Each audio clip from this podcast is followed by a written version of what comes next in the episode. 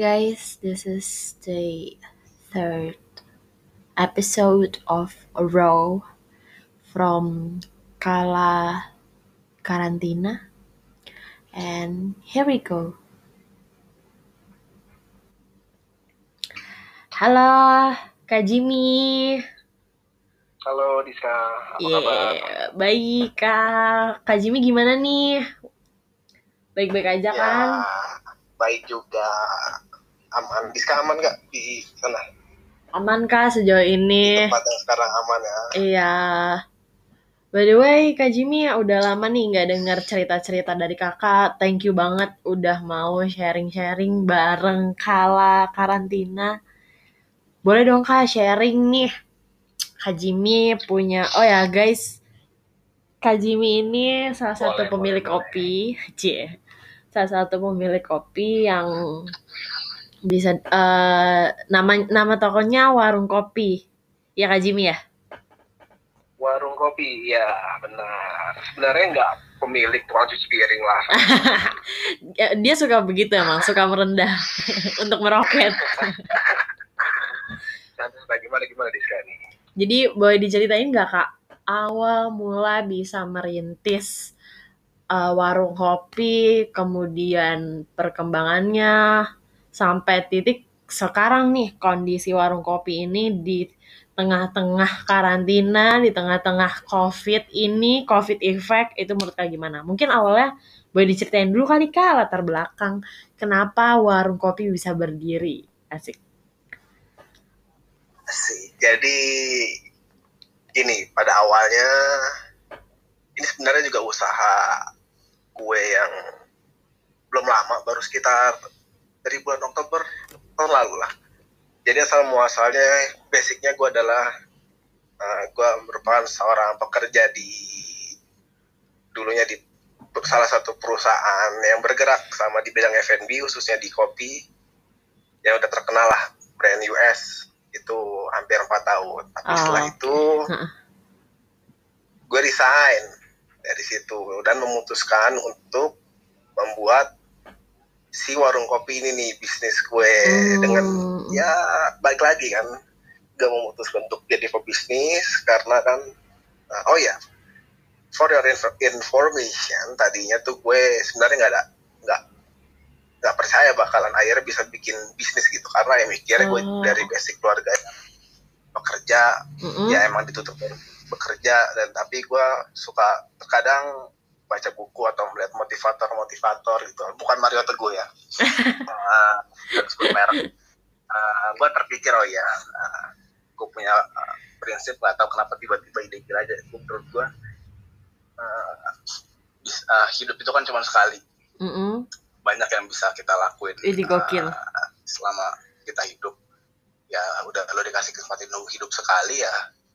Gue gue memutuskan diri gue sendiri nih ya udah aku coba menjadi seorang risk taker Hmm. karena gue tahu jadi pebisnis itu harus uh, lu bisa mengambil yang namanya resiko lo harus Mm. berani beda sama seorang pekerja ya mungkin ya. ya pekerja bisa dikatakan nah jadi gue memutuskan resign itu gue belaga gila aja gue diajakin teman gue pada awalnya Hmm, oke. jadi sebelum resign itu udah mulai ada ide-ide idealis-idealis dulu tercipta Mm-mm.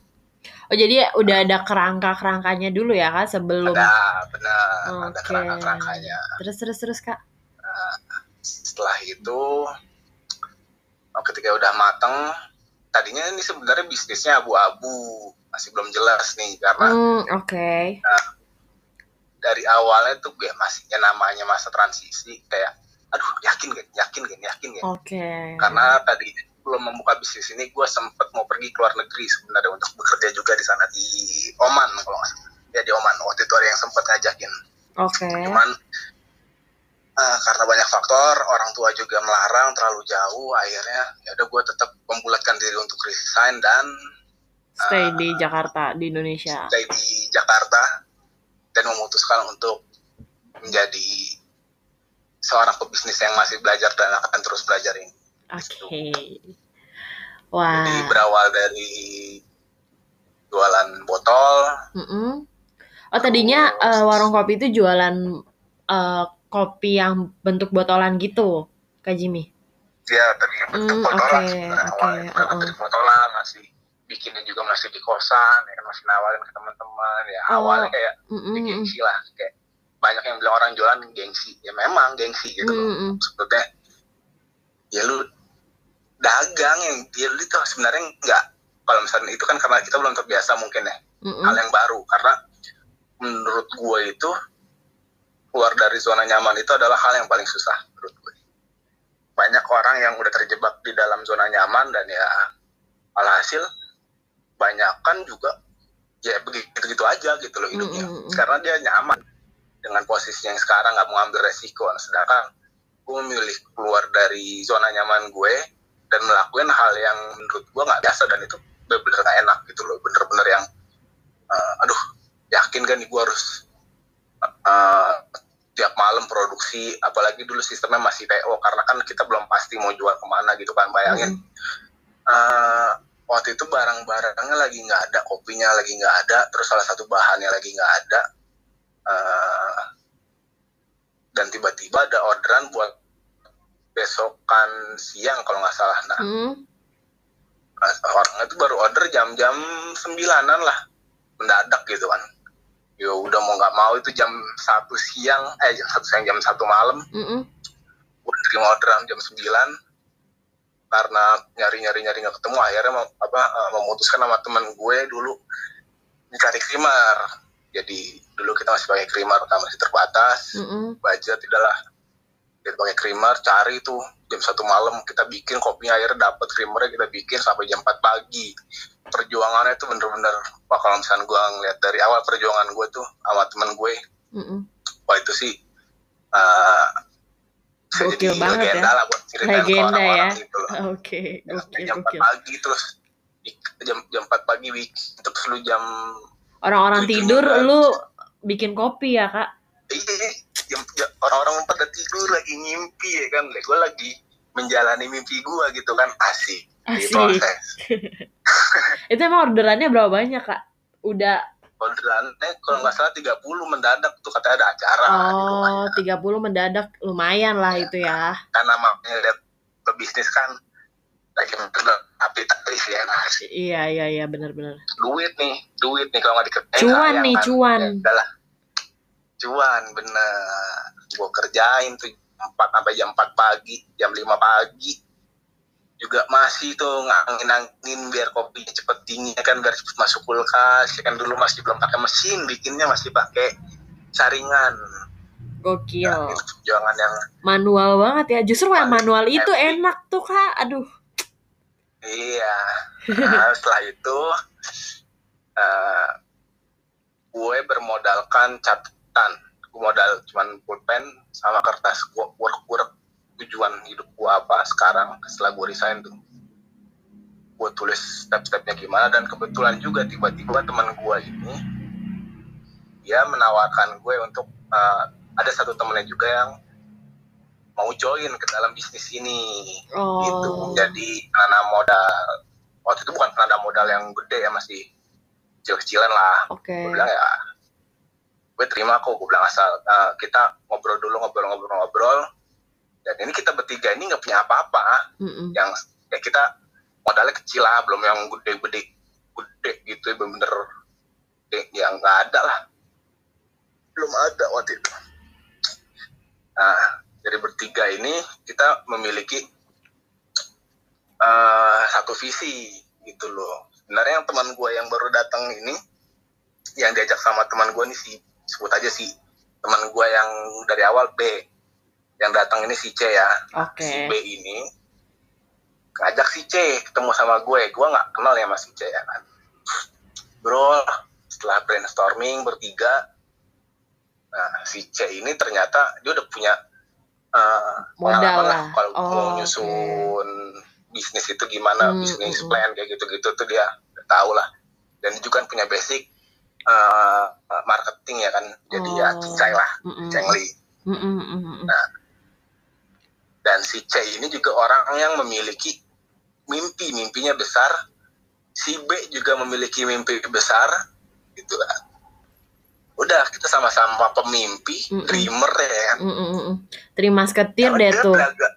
iya terima ketir belaga gila aja ngayal-ngayal di kosan bisa nggak ya jualan gini gini gini oh kalau misalnya ini bisa kita jualan kita bikin booth dulu nih kayak gini gini gini gini nanti kita gue, gue kerjaan bisnis plannya lo di spesialis kopi dua karena kan gue spesialis gue bukan di kopinya gue ke lebih ke Bisnis.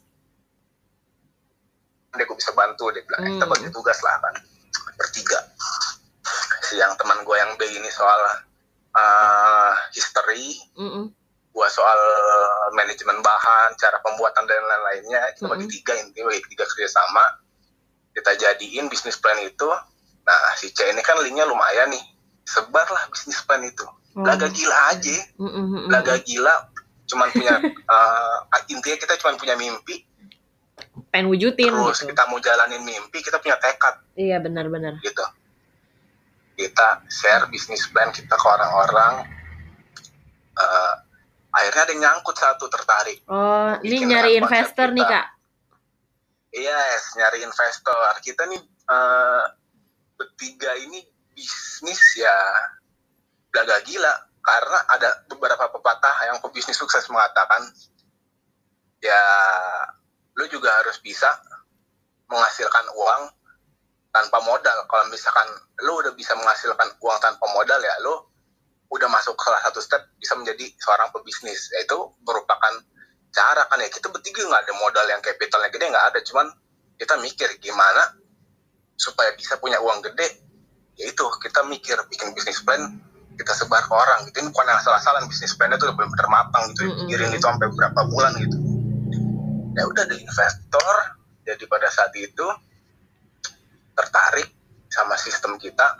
Dan kita juga bilang eh, nggak nutup lah eh, kalau misalkan kita buat nanti emang sistemnya udah bener-bener mantep kita jadi franchise gitu kayak Mm-mm. yang terkenal terkenal sekarang gitu kan Mm-mm. kita kita nggak nutup kemungkinan juga gitu loh Jadi seperti itu udah mulai dari situ kita kerjaan bisnis plan orang yang nyangkut ada yang mau dan ya udah tiba-tiba kayak omongan omongan orang apa ya omongan orang gila kali kalau orang disebut tuh gue ingat banget. Bertiga ngomong ya Orang kan? gila.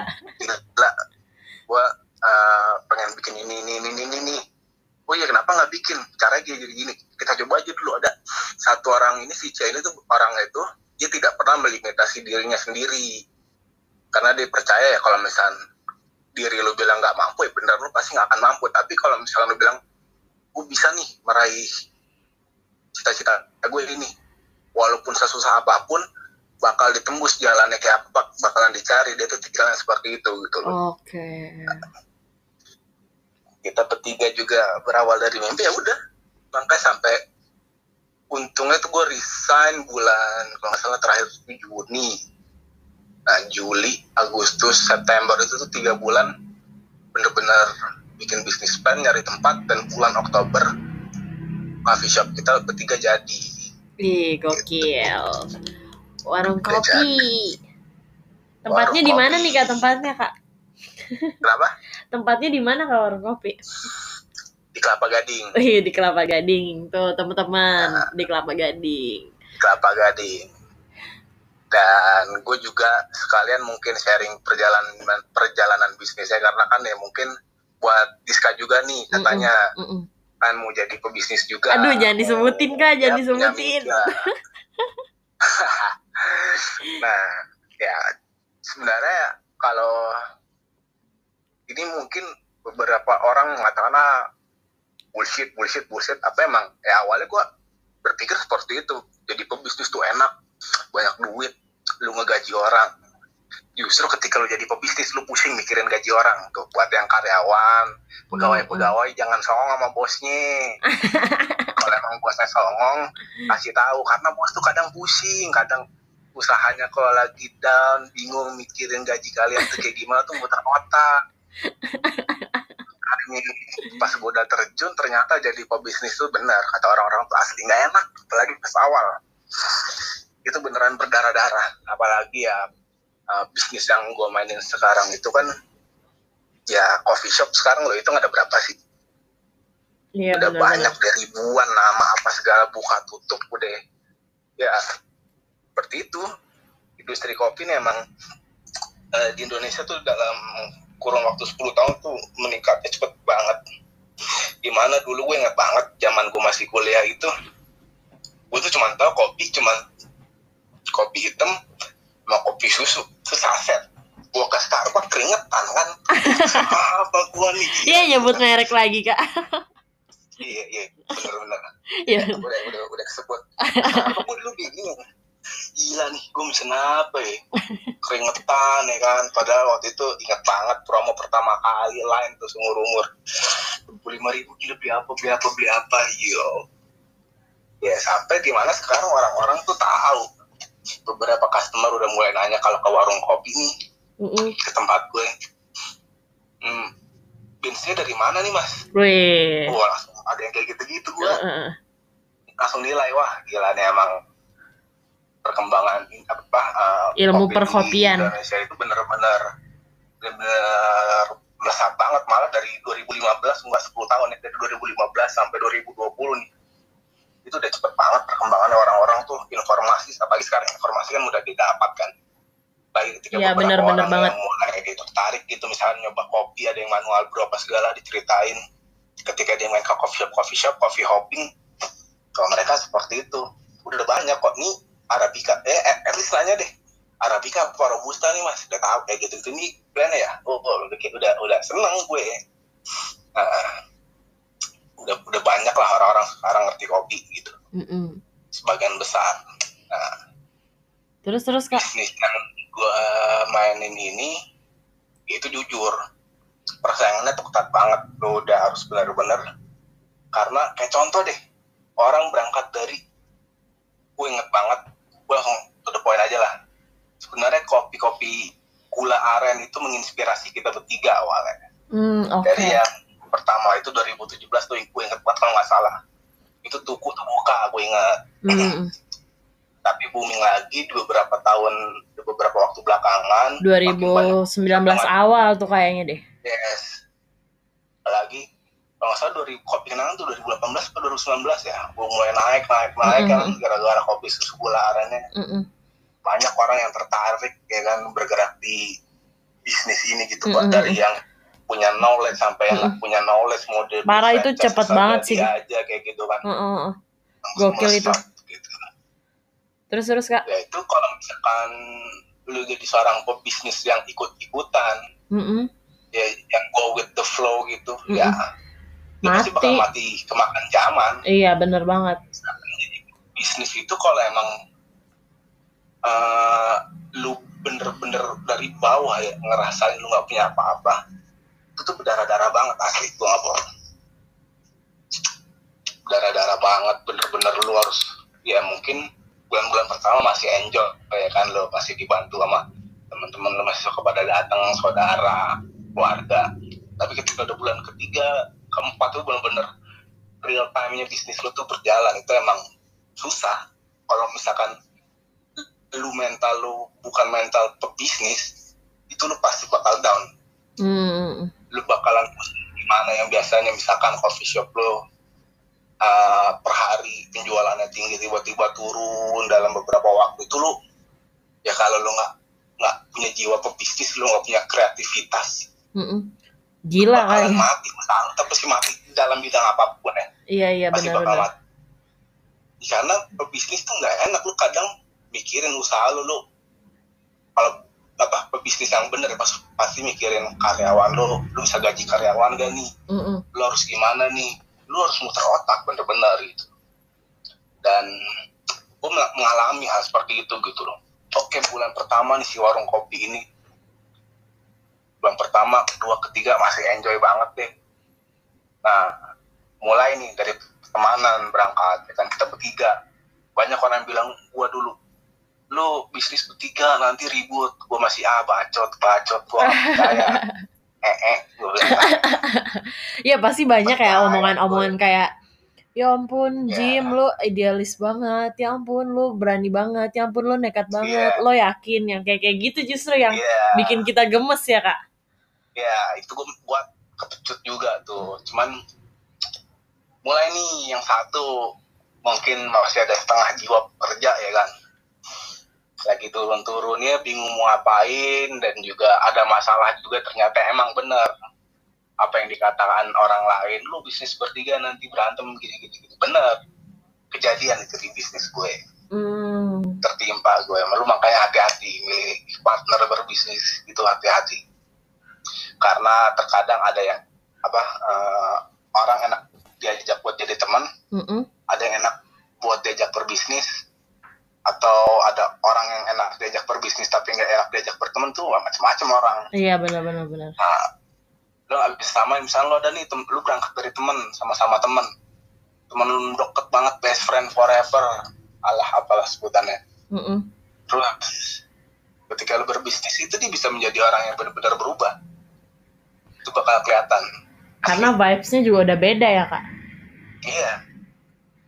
Eh, itu kejadian di bisnis gua. Akhirnya ya yang teman gua nga- yang ngajakin gua ber- berbisnis ini si B akhirnya dia mungkin mentalnya nggak kuat ngadepin ya persaingan ya kan? Persaingan makin lama makin ketat lo harus diuji kreativitas lo ketahanan lo Mm-mm. durability lo dalam menjadi seorang pebisnis. Dia akhirnya memutuskan untuk cabut. Oke. Mau ditinggal itu berdua. Mm-mm, mm-mm. padahal kita percaya nih si B ini padahal dia punya idealis yang sangat kuat. Dan lagi nih eh, kalau lu mau jadi pebisnis yang sukses lu jangan pernah terpaku sama idealis lu. Kayak contoh kecil ini. Eh, secara singkat aja gue jelasin. Kalau di industri kopi ini ada yang namanya specialty sama komersil kualitasnya nah kalau yang specialty coffee ini lu dituntut bener-bener dari alat kopi yang lu gunain tuh harus bener-bener yang kualitas teratas Oke. sedangkan Mm-mm. kalau untuk di titik saat ini orang Indonesia tuh masih lebih ke arah kopi-kopi komersil karena Betul, kalau untuk betul. specialty itu pasarnya Masih yang rasa-rasa ya. dari iya specialty itu dia bener-bener kopinya itu ya hanya kopi beneran beneran kopi yang dinikmatin kopi kopi dari Panama dari Kenya dari Mm-mm. lokal Salvador, iya, Bener-bener bener-bener, yang dinikmatin tuh ya kayak kopi ko- ko- kopinya doang karena disuruhnya pakai teknik manual brew gitu mm-mm. walaupun ada beberapa yang dipakai ya sama mesin espresso juga cuman yang di highlight tuh bener-bener kopinya bukan dia pakai campur susu campur ini rasanya nggak kayak gitu nah Mm-mm. si B ini adalah orang yang idealis dia totok Oh. gitu mau bikin specialty sedangkan lu kalau kalian kalau misalnya mau jadi pebisnis gitu idealis tuh boleh. Cuman lu harus lihat dulu. Pebisnis yang hebat itu harus tahu siapa pasar lo. Karena baik lagi kan supply and demand. Kalau misalkan eh, oke lu mau main specialty tapi lu lihat pasar lo di spe- specialty itu dari statusnya yang ngerti specialty itu paling hanya sebagian kecil. Mungkin saat saat ini masih 20 sampai 30 persen. Iya betul betul. Mungkin kalau di compare juga paling tiga dari 10 orang ya nggak sih kak? iya. Nggak Iya. bisa nggak bisa naikin dari, keuntungan juga. Terus terus. dari dari 10 orang nih paling yang suka specialty di Indonesia masih cuma dari 10 orang paling cuma tiga atau empat lah. Mm-mm, mm-mm, nggak lebih dari itu. Dari 10 orang gitu si ini tuh idealis banget. Mm. Nah, cuman setelah dia mematahkan idealisnya di- dia, terus dia mau bener-bener yang jadi belajar kapitalis, cuma mas mentalnya nggak kuat, ke akhirnya dia memutuskan untuk meninggalkan kita berdua. Oke. Jahat banget ya, tinggal pacar. Ya. Terus, akhirnya gue berjalan lah nih sama si C, padahal gue sama C ini tadinya nggak kenal sama sekali, gue kenal sama si C ini dikenalin sama si B Mm-mm. cuman akhirnya gue bisa berpartner dan dengan baik dia dia mengandalkan gue dari segi gue tahu product knowledge uh, rutin bekerja untuk barista bikin sistem dan lain sebagainya karena akhirnya pada akhirnya gue sama si C ini bener-bener punya mimpi yang tinggi gitu gue gue bermimpi sama dia kita bakal bisa nyanyiin Starbucks di Wih. masa yang akan mendatang Wih, Iya mimpi aja dulu Kayak yang gitu. tinggi. ya mimpi aja dulu yang penting kan dikerjain Iya betul betul. kalau apa mimpi tapi nggak dikerjain lo namanya tidur gitu kan. bukan Mm-mm. bukan berbisnis Iya betul betul. nah cuman ada aja masalah gua nggak tahu ya ini ujian buat gua berdua sekarang buat jadi orang yang lebih strong di masa yang akan mendatang karena di beberapa bulan pertama ujian itu datang dari internal Oke. awal rame terus rendah internal kita berantakan tuh sistem nggak jalan satu orang di si B ternyata juga, juga dia tidak menge- mengerjakan job desknya yang sudah kita tetapkan dengan dengan bareng-bareng lu kerjaan lu ini tapi dia nggak ngerjain akhir ya udah gua yang ngerjain berdua sekarang keteteran lah. Ketika si B cabut ya kan akhirnya masalah dari luar datang dari eksternal yaitu COVID-19 Nih COVID Gila. effect nih kak, gila emang gila banget. Terus itu ngefek dong pasti ya kan ke warung kopi. kenapa? Iya pasti ngefek kan ke warung kopi. banget parah ini semua bisnis Parah. semua bisnis kayak gitu oh ya Uh-uh. for your information gue juga selain gue memiliki bisnis warung kopi ini gue juga belum lama gue di hire menjadi roaster di kopi ibu gue samarin lagi namanya Oke, di kopi daerah ibu. Kemang ya. gue jadi roaster juga di sana gitu Gokil. karena gue mikirnya ya jujur-jujuran aja gue nih bisnis aja masih proses pengembalian dana ke investor gue punya mimpi juga mau buka namanya roastery roastery itu buat yang belum tahu mungkin ya tempat untuk apa namanya produksi untuk pemanggangan biji kopi dari green bean sampai ke roasted beans. Nah, gue tadinya punya impian juga mau jadi roaster. Gue makanya dulu sekolah juga menjadi roaster kopi di nih sekarang aja nih iklan namanya ABCD Kopi. Keluar Di juga tuh akhirnya. Menteng. Nah, gue ketemu di situ sama orang. Akhirnya setelah gue bikin bisnis, orang itu gue tahu punya bisnis, dia, dia ngajak gue sebagai roaster di apa kopi ibu di daerah Kemang usahanya dia gitu. Di sana ngerosting biji kopi.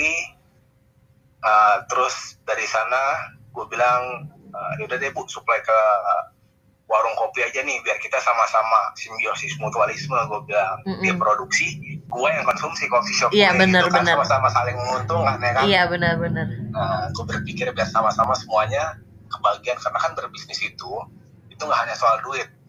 Iyalah. selalu tahu. Lu juga berbisnis itu lu kalau jadi seorang pebisnis tuh harus mikirin eh, yang namanya lu juga berbagi. Karena ketika lu bangun bisnis lu buka peluang kerja lu bisa mempekerjakan orang-orang di mana ketika lu mempekerjakan orang-orang berarti lu membangun. Itu dari segi ekonominya. Hmm, gitu loh. Oke oke oke lu oke. kan ngegaji dia ngegaji karyawan. Nah itu gua didapat ilmu itu tuh dari orang yang hire gue. Kebetulan beliau ini yang hire gue itu udah bisnis puluhan tahun. Oh, Oke. dia salah satunya Emang bisnis kopi ini bisnis. dia baru buka dia sharing sama gue. Hmm.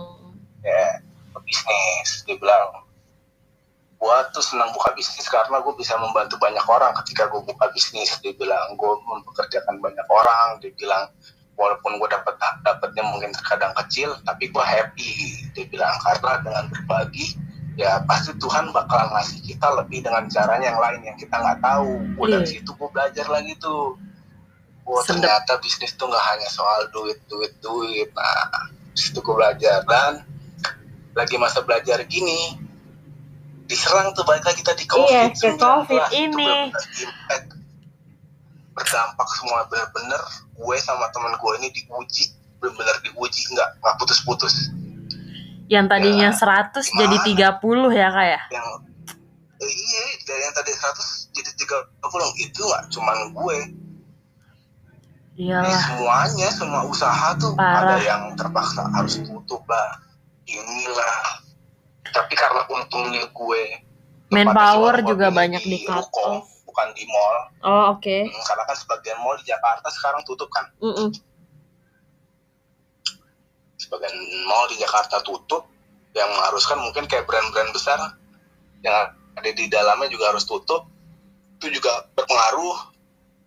Bener-bener semua bisnis ini lagi pada down roda ekonomi berputar pelan banget. Nah karena beberapa usaha juga yang nggak berkepentingan eh, sama pemerintah juga harus ditutup gitu kan biar ngurangin orang-orang nongkrong. Cuman eh, gue dan teman gue memutuskan untuk tetap buka si warung kopi Oke. bukannya gue bandel Iya, buat yang gua ini ya, gue take away. Iya. gue nggak memperbolehkan orang untuk dine in Hmm. gue hanya memperbolehkan take away baik itu oleh GoFood langsung aja nih Mm-mm. atau ya orang beli datang ke toko gue ke warung kopi ini terus cabut nggak nggak ada minum di situ. Dan setiap ada orang yang keluar masuk gue juga siram pakai disinfektan. Jadi safety banget gak usah khawatir. Oh, lu orang siram gak? goblok nih goblok nih si goblok. Malah buka gitu kan ya kan kesel sama sama gue gitu. Bukan tutup apa segala oh jadi lu nih nyebarin covid lu nggak nggak kayak gitu gue Kak, kak, Gua bentar, orang. Iya, Ini lu siram apa lu semprot? kita kita semprot. Disiram. tempat-tempatnya pokoknya steril. Pokoknya steril ya, hygiene. banyak virusnya. Iya bener-bener. Hygiene nomor satu tetap.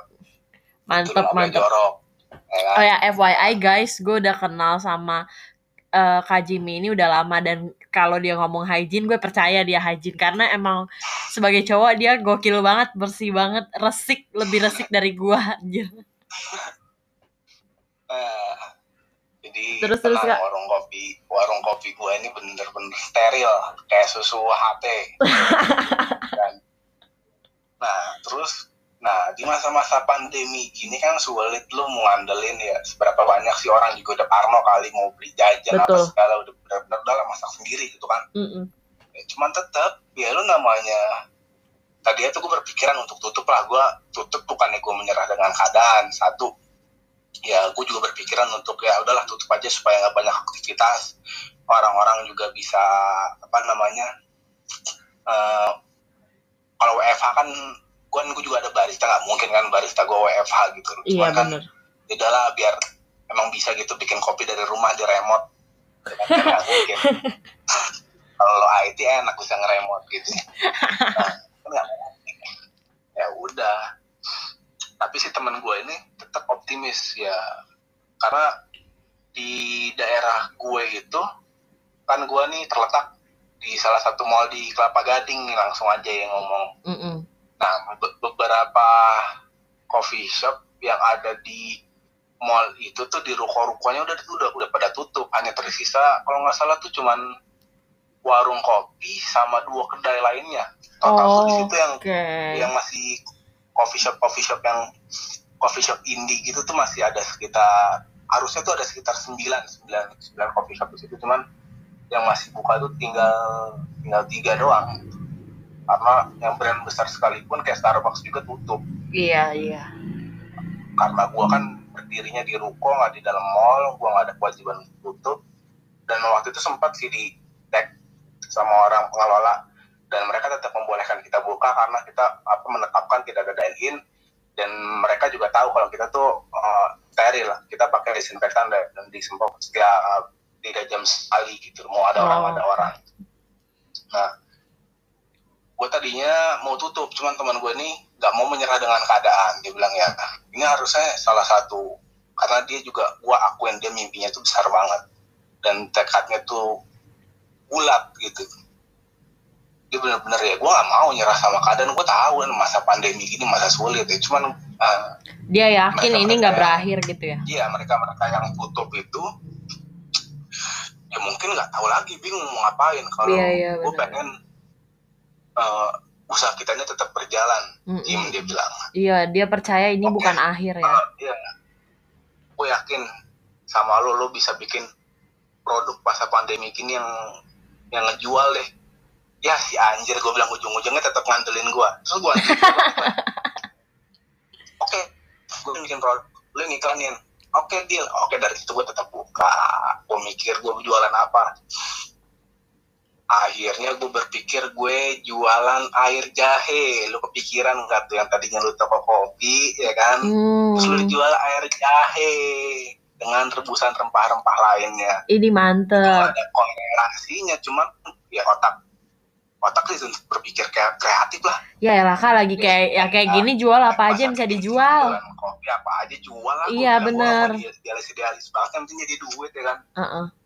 gue jual itu air jahe dengan rebusan rempah lainnya yang dipercaya Rempah bisa lain. meningkatkan sistem imun tubuh.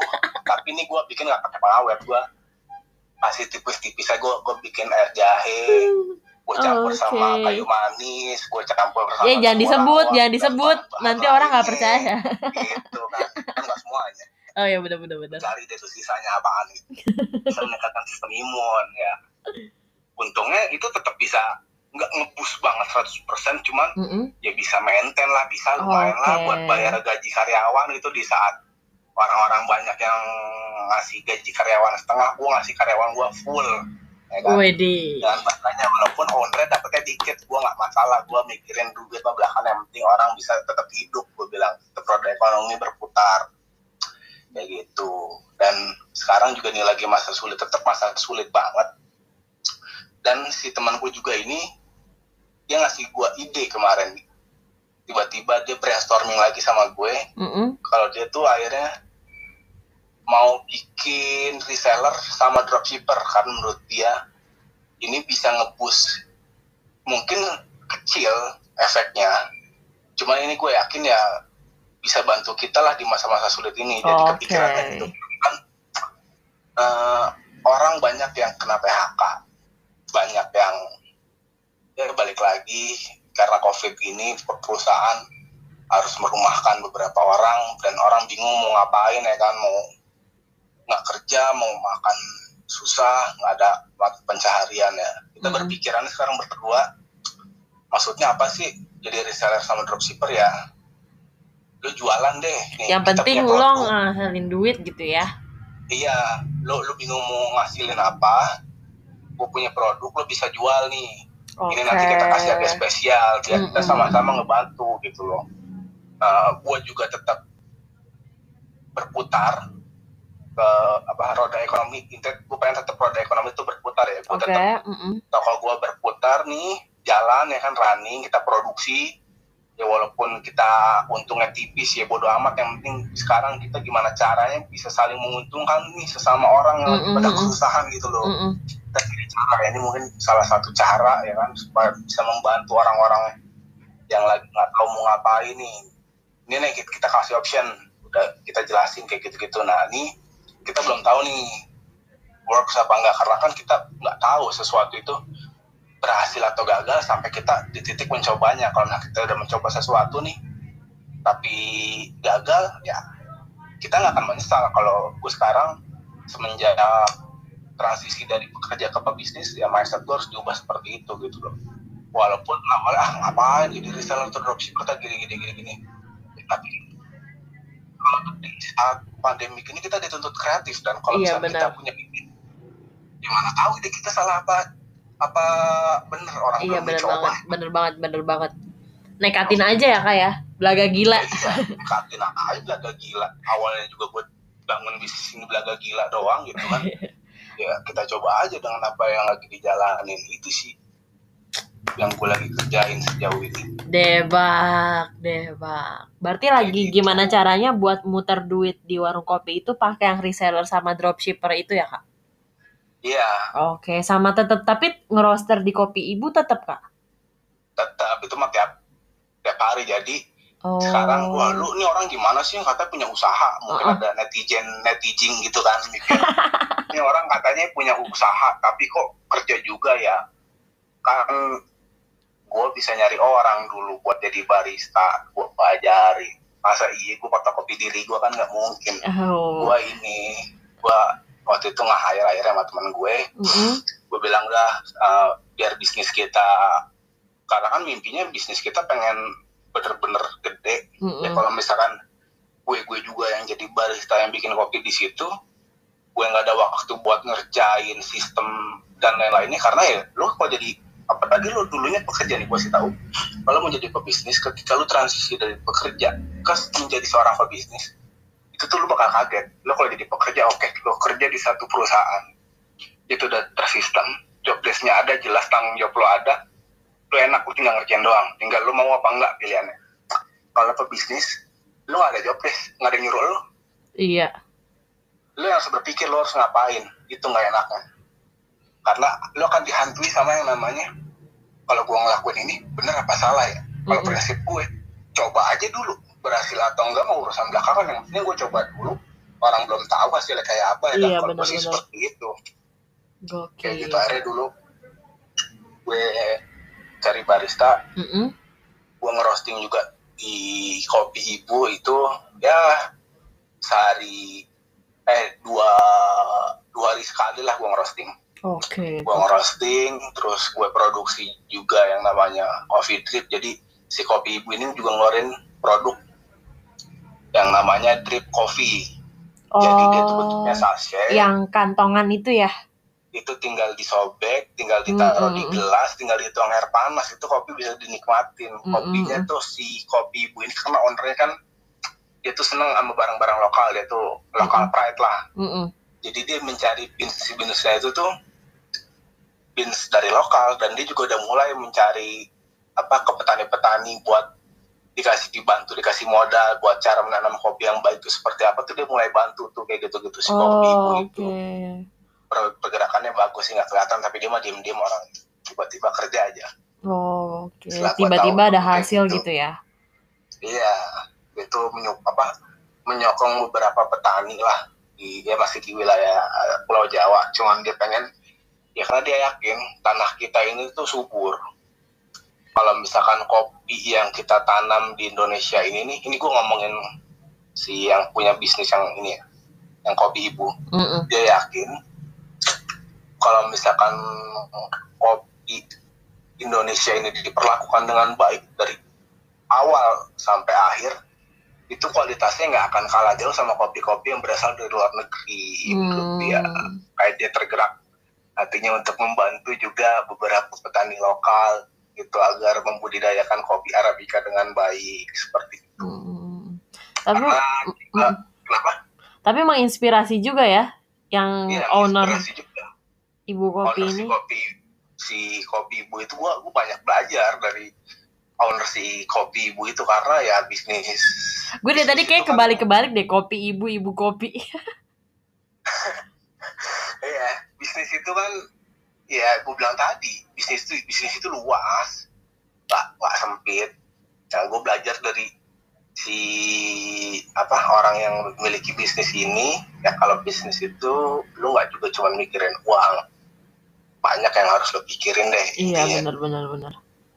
kayak gitu. Dan dia kan juga uh, kebetulan punya beberapa kenalan di luar negeri. Dan dia tuh pengen banget ngenalin Indonesia. Itu salah satunya lewat dari ya hasil buminya salah Hasil, satunya kopi oke. gitu. Karena dia pengen pamer ke seluruh dunia dia kan linknya ini udah berbagai dunia. Di Belanda temannya ada di Inggris di US di Jepang di Korea tuh dia punya banyak teman nah dia tuh pengen ekspor ke luar negeri supaya ya orang-orang orang-orang luar negeri itu bisa tahu kalau Indonesia ini tuh punya kopi-kopi yang enak gitu loh. Karena ya sejauh ini memang Indonesia merupakan salah satu penghasil kopi eh, setelah kalau salah setelah Brazil. Terus mana lagi ya? Kalau nggak salah Vietnam apa pokoknya yang, yang ketiga Indonesia. Nah tapi itu terkenalnya salah satunya hanyalah eh, hasilnya adalah robusta. Sedangkan yang kita tahu kan robusta itu justru sebenarnya robusta adalah kalau dari segi rasa tuh hanya pahit ya. Hanya pahit dan rasanya tuh harsh atau kasar rasanya tuh lain sama arabica kalau arabica tuh lebih Sedap. fruity, lebih sweet lebih banyak yang bisa dikulik nasi ibu ini juga pengen ningkatin produksi arabica, Arabica di Indonesia ini. yang tadinya dalam satu tahun itu kalau nggak salah kopi yang paling banyak menghasilkan itu adalah 70 persennya adalah robusta sedangkan sisanya adalah arabica, Arabica. nasi ibu ini pengen banget ningkatin, Ningkatin produksi ya. arabica di Indonesia dan disebar kopi-kopi arabica ini ke seluruh dunia supaya dunia tuh tahu kalau Indonesia tuh punya kopi yang gak kalah baik sama negara-negara seperti contohnya Panama, Aduh Panama. Kolombia. Kalau kalian tahu nih eh, yang kopi yang paling mahal arabica sekarang adalah namanya Panama, Yoi. Asia. Panama itu satu Geisha. kilo satu kilo green bean itu bisa 10 sampai 15 juta gue nggak bohong. Kalian biasa itu ada event tahunan namanya Panama Auction di situ dipilih tuh beberapa kopi dari seluruh dunia. Yang selalu menang itu ada dari Panama. Dengan varietasnya Geisha itu 15 terakhir tuh kalau nggak salah 20 juta 15 sampai 20 juta satu kilo green bean ya itu kopi yang langka Itu banget. masih green bean ya, belum masih diapa-apain. green bean belum roasted bean. Makanya kalau misalkan orang jual roasted bean itu 250 gram itu bisa harganya bisa 3 juta sampai 4 juta. Gue nggak bohong. 3 juta sampai 4 juta. Tergantung sih kalau misalnya yang Ethiopia Geisha masih dapat di angka 1 juta sampai 2 juta untuk 250 gram ya. Gitu ibu tuh pengen kopi Indonesia tuh pasti bisa ngalahin si Mereka-mereka itu. kopi Panama ini gitu. Tapi emang varietas di kita itu ada apa aja sih, Kak? Berapa? Varietas di kita itu ada apa aja sih? Kalau tadi kan di Panama Ada. itu kan ada geisha. Kalau kita ada geisha juga gak sih? Geisha sih belum ada. Di kita tuh kebanyakan bukan belum ada ya gua gua kurang tahu karena Iya, iya gue belum master banget lah. Itu kan yang tahu orang-orang yang di hulu biasanya. Tapi yang kebanyakan beredar sih setahu gue ada Tipika Iya, tipikal. terus Katura ada Ateng Lini ya. Sebenarnya penting nggak penting sih kalau misalnya kita sebagai pebisnis kopi hanya mikirin Iya, nama-nama varietas itu ibaratnya lu kayak ngapalin nama-nama Digimon banyak nggak akan hafal gitu. Jadi ya menurut kalau menurut gue gue lihat sih biasanya eh, dari varietas-varietas tuh yang terkenal itu biasanya sih tipika biasanya tipika bourbon Bourbon. dan apa yellow katura. Yellow katura itu salah satu varietas yang buah cerinya pada saat matang itu nggak berwarna merah tapi berwarna kuning itu Oh, oke. kuning Beda sendiri ya. Kalau biasanya kan Beda cherry sendiri. coffee itu kan warna Biasanya merah. kalau cherry coffee itu merah kalau udah Mm-mm. matang kalau ini kuning Oke. makanya dinamanya yellow katura tanamannya Iya, ya, seputar itu sih ada beberapa juga yang varietas Iya, buatan manusia Oh, Oke.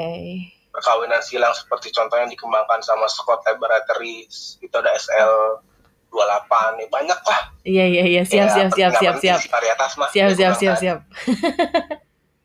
Gue pernah baca tuh SL28. tadi. iya Iya, iya. Gue pernah baca Scott Lab Scott Laboratory. Iya, iya. iya. kalau nggak salah di kayak- Yang ngasih tau gue itu lo, Kak. Yang ngasih tau gue itu Iya, lo. iya, iya, bener bener kan gue yang ngasih tahu gitu ya kan Oke, Nah, siap, ini siap. for your information juga di Sky itu juga dulu adalah jadi kenal di Sky ini merupakan jangan, jangan disebutin. Jangan disebutin. guys dulu Sky itu adalah barista anjir. Dulu dia anaknya kepala batu. Cuman dia kalau belajar pinter. Sampai salah satu gue seneng ngajarin dia. Eh, Sampai sekarang. anaknya cepat nangkap sampai sekarang. Siap, dan nggak berubah tetap bacot. Tetap berisik. anaknya baik anak anaknya baik asli asli Eh, baik ya. Syukur deh kalau kebaikan gue diinget. iya gue gua emang senangnya ingat kebaikan orang Eh, gokil. Iya. Ada lagi nggak kak yang mau disampaikan kak? Tapi jujur ya, kayak perjalanan eh warung kopi nih. Awalnya lo resign, kemudian lo eh, memilih untuk jadi pebisnis. Yang awalnya dibilang lah lo idealis, dibilang emang lo yakin, emang lo ini, emang lo lalalala pasti adalah yang ngomong kayak gitu. ya Kemudian, pasti kemudian moving sekarang forward, gini Dis. Uh-uh. Eh, kalau gue nggak ambil pusing sama omongan Yes, orang betul banget kak. Karena kalau lo ngomongin Iya. orang nggak ada ujungnya. They always Iya, have something to talk. Iya. Kemudian Benar, dari, uh-uh, kemudian dari situ lo eh, berdiri nih warung kopi berdiri. Terus masalah mulai muncul. Satu bulan tiga bulan pertama aman. Tapi masalah mulai muncul justru dari sisi internal. Kemudian tadi si B cabut karena merasa bahwa ya nggak sevisi lah ya. Terus Iya. dari situ eh memutus keadaan lagi down, memutuskan buat bagi dua nih, yang satu ngurus ini, yang satu ngurus ini, dan bagian lo adalah lo pilih apa lo punya lo owning, lo tetap owning warung kopi, tapi di sisi lain lo juga bekerja sebagai roaster di eh, kopi ibu tadi ya. Gue di kepala Iya, gue tuh iya. dari tadi tuh ibu kopi mulu. Nah, terus dari kopi ibu, eh dari kopi ibu itulah lo justru belajar banyak dan bisa lo praktekin ke warung kopi. Dan sayangnya Yes, bener itu banget. semua ke halang nih sementara waktu nih gara-gara covid. Iya. Jadi buat kalian yang di luar sana masih keluaran-keluaran, please stay at home guys. Yes. Please guys, bantu kami guys. Bantu kami guys. Karena asal kalian tahu UKM itu kalau disuruh 2 sampai 3 bulan aktivitasnya low kayak gini itu ngapa-ngapa napasnya guys. Iya, Masih nama Kamis napasnya asli. berdarah-darah. Please jangan keluyuran gitu. Gua ngomong bisnis gua semuanya. Bisnis gua masih bisa berjalan alhamdulillah ya. Cuman yang lain-lain Iya bener gue banget, kasihan gitu bener yang banget. Gue kasihan banget sama yang ya kayak apa sih? Lu lu tau gak sih kak kalau misalkan kita di jalan tol atau di di lampu merah tuh yang kayak jualan-jualan yang keripik-keripik, tahu-tahu yang kayak gitu tau gak sih lo? Iya, Kayak iya. gitu itu yang gue pikirin kayak ya Allah mereka kayak gimana itu ya? lenyap, itu lenyap. Ya ampun, gue nggak tahu lagi deh. Iya. Dan please jangan egois-egois banget maksudnya. Ya udah lu di rumah dulu kek gitu susah banget sih kalau Iya, misalkan emang pasti. harus di rumah ya. Eh kalau misalkan gak ada kepentingan apa-apa beda beda hal kalau misalkan kantor lu perusahaan lu belum nerapin WFH dan lu terpaksa kerja itu ya udah beda urusan. Tapi kalau lu cuma nangkring-nangkring gak jelas gitu mending jangan dah. Sayang. Eh, Bener. ini gue kesel banget. Lu tau gak sih kak? Kemarin itu gue sempat eh, nonton video Najwa Shihab yang sama ada supir ambulans. Kalau sampai Najwa Shihab tuh nanya, "Eh, lo apa bapak ada permintaan nggak kalau misalkan bapak bisa menyuarakan menyuarakan eh, suara bapak nih ke orang-orang? Iya saya pengen pegang toa mbak.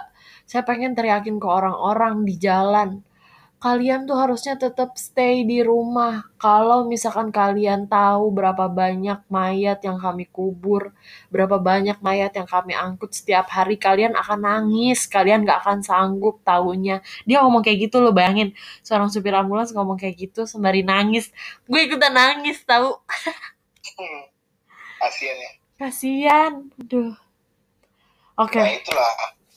itulah jadi please lakukan hal-hal yang bermanfaat ketika lo di rumah aja. Jangan jangan tengil tahu. jangan ke mana-kemana. Kalian kalian gede kalian mungkin ada beberapa yang sebagian udah di rumah tapi ngelihat update covid kok tetap terus meningkat kan aku juga ikutan keluar ya. Kalau kalian ikut keluar juga nggak akan selesai selesai dong masalahnya. Iya mana Yang bentar lagi. leba eh bentar lagi puasa terus nggak terasa lebaran. Ayo makanya nih 2020 itu tahun yang sangat berat lu bayangin aja event-event besar diundur untung puasa nggak diundur ya kan? Tetap puasa mah tetap tanggalnya. Cuman kan maksudnya nuansa puasanya gitu iya gue pengen yang- ngabuburit tahu aduh. Iya. Bukber ya mungkin akan nggak ada bukber. Bakalan direndah loh. Iya bener banget sama bener polisi banget nanti. bener Kalau banget. ada bukber bukber bukber udah nggak bisa bakalan hilang sholat taraweh yang biasa di masjid ya walaupun sholat taraweh sunnah kan kalian orang Indonesia biasanya sholat taraweh suka di masjid gitu rame-rame iya iya iya ya sekarang kemungkinan besar ya itu pasti bakalan dilarang gitu karena di sholat Jumat aja yang hukumnya wajib sekarang di beberapa Dilarang. masjid dilarang gitu Mm-mm. apalagi sholat tarawih yang di mana tuh udah jadi budaya, budaya Indonesia kalau sholat tarawih itu seperti sholat wajib gitu Iya. itu bakalan sedih banget sholat sholat tarawih terus puasa buka bersama sama teman-teman yang biasanya nanti minggu kedua minggu ketiga nunggu THR ya kan Mm-mm. bahkan ada beberapa karyawan yang THR di pending itu kan sedih banget Iya benar benar benar benar banget benar. cuman terakhir update gue baca peraturan pemerintah sih harusnya perusahaan tetap nggak boleh nahan THR cuman ya nggak tahu lah berdoa aja kalian banyak berdoa dan stay di rumah Yo iya. biar kami yang bekerja Asik. kalau kalian yang di kantor-kantor gitu ya kan ya udahlah stay aja di rumah atau juga disuruh WFH kapan lagi cuman jadi kaum rebahan ya kan gitu loh Oke, sip deh kalau gitu. Thank you banget nih Kak Jimmy. Ada lagi nggak Kak yang mau disampaikan Kak? Mungkin tips and trick singkat Kak. Tips Satu kalimat, dua kalimat untuk memotivasi. Asik. bermimpi dan kerjakanlah Asik. untuk mencapai mimpimu asik Kalau Gokil. misalkan lo jadi manusia nggak punya mimpi nggak mau tahu jadi apa ya lo bakal jadi manusia yang gitu-gitu aja menurut gue Oke. Sip. Thank you banget Kak Jimmy. Siap, siap. Siap, siap. sama-sama mungkin nanti setelah corona kita bisa berjumpa ya Oke, Sharing-sharing. debak. siap siap thank you thank you Diska Yoi. That's it, guys, for the third episode. Hope you already enjoy and stay safe.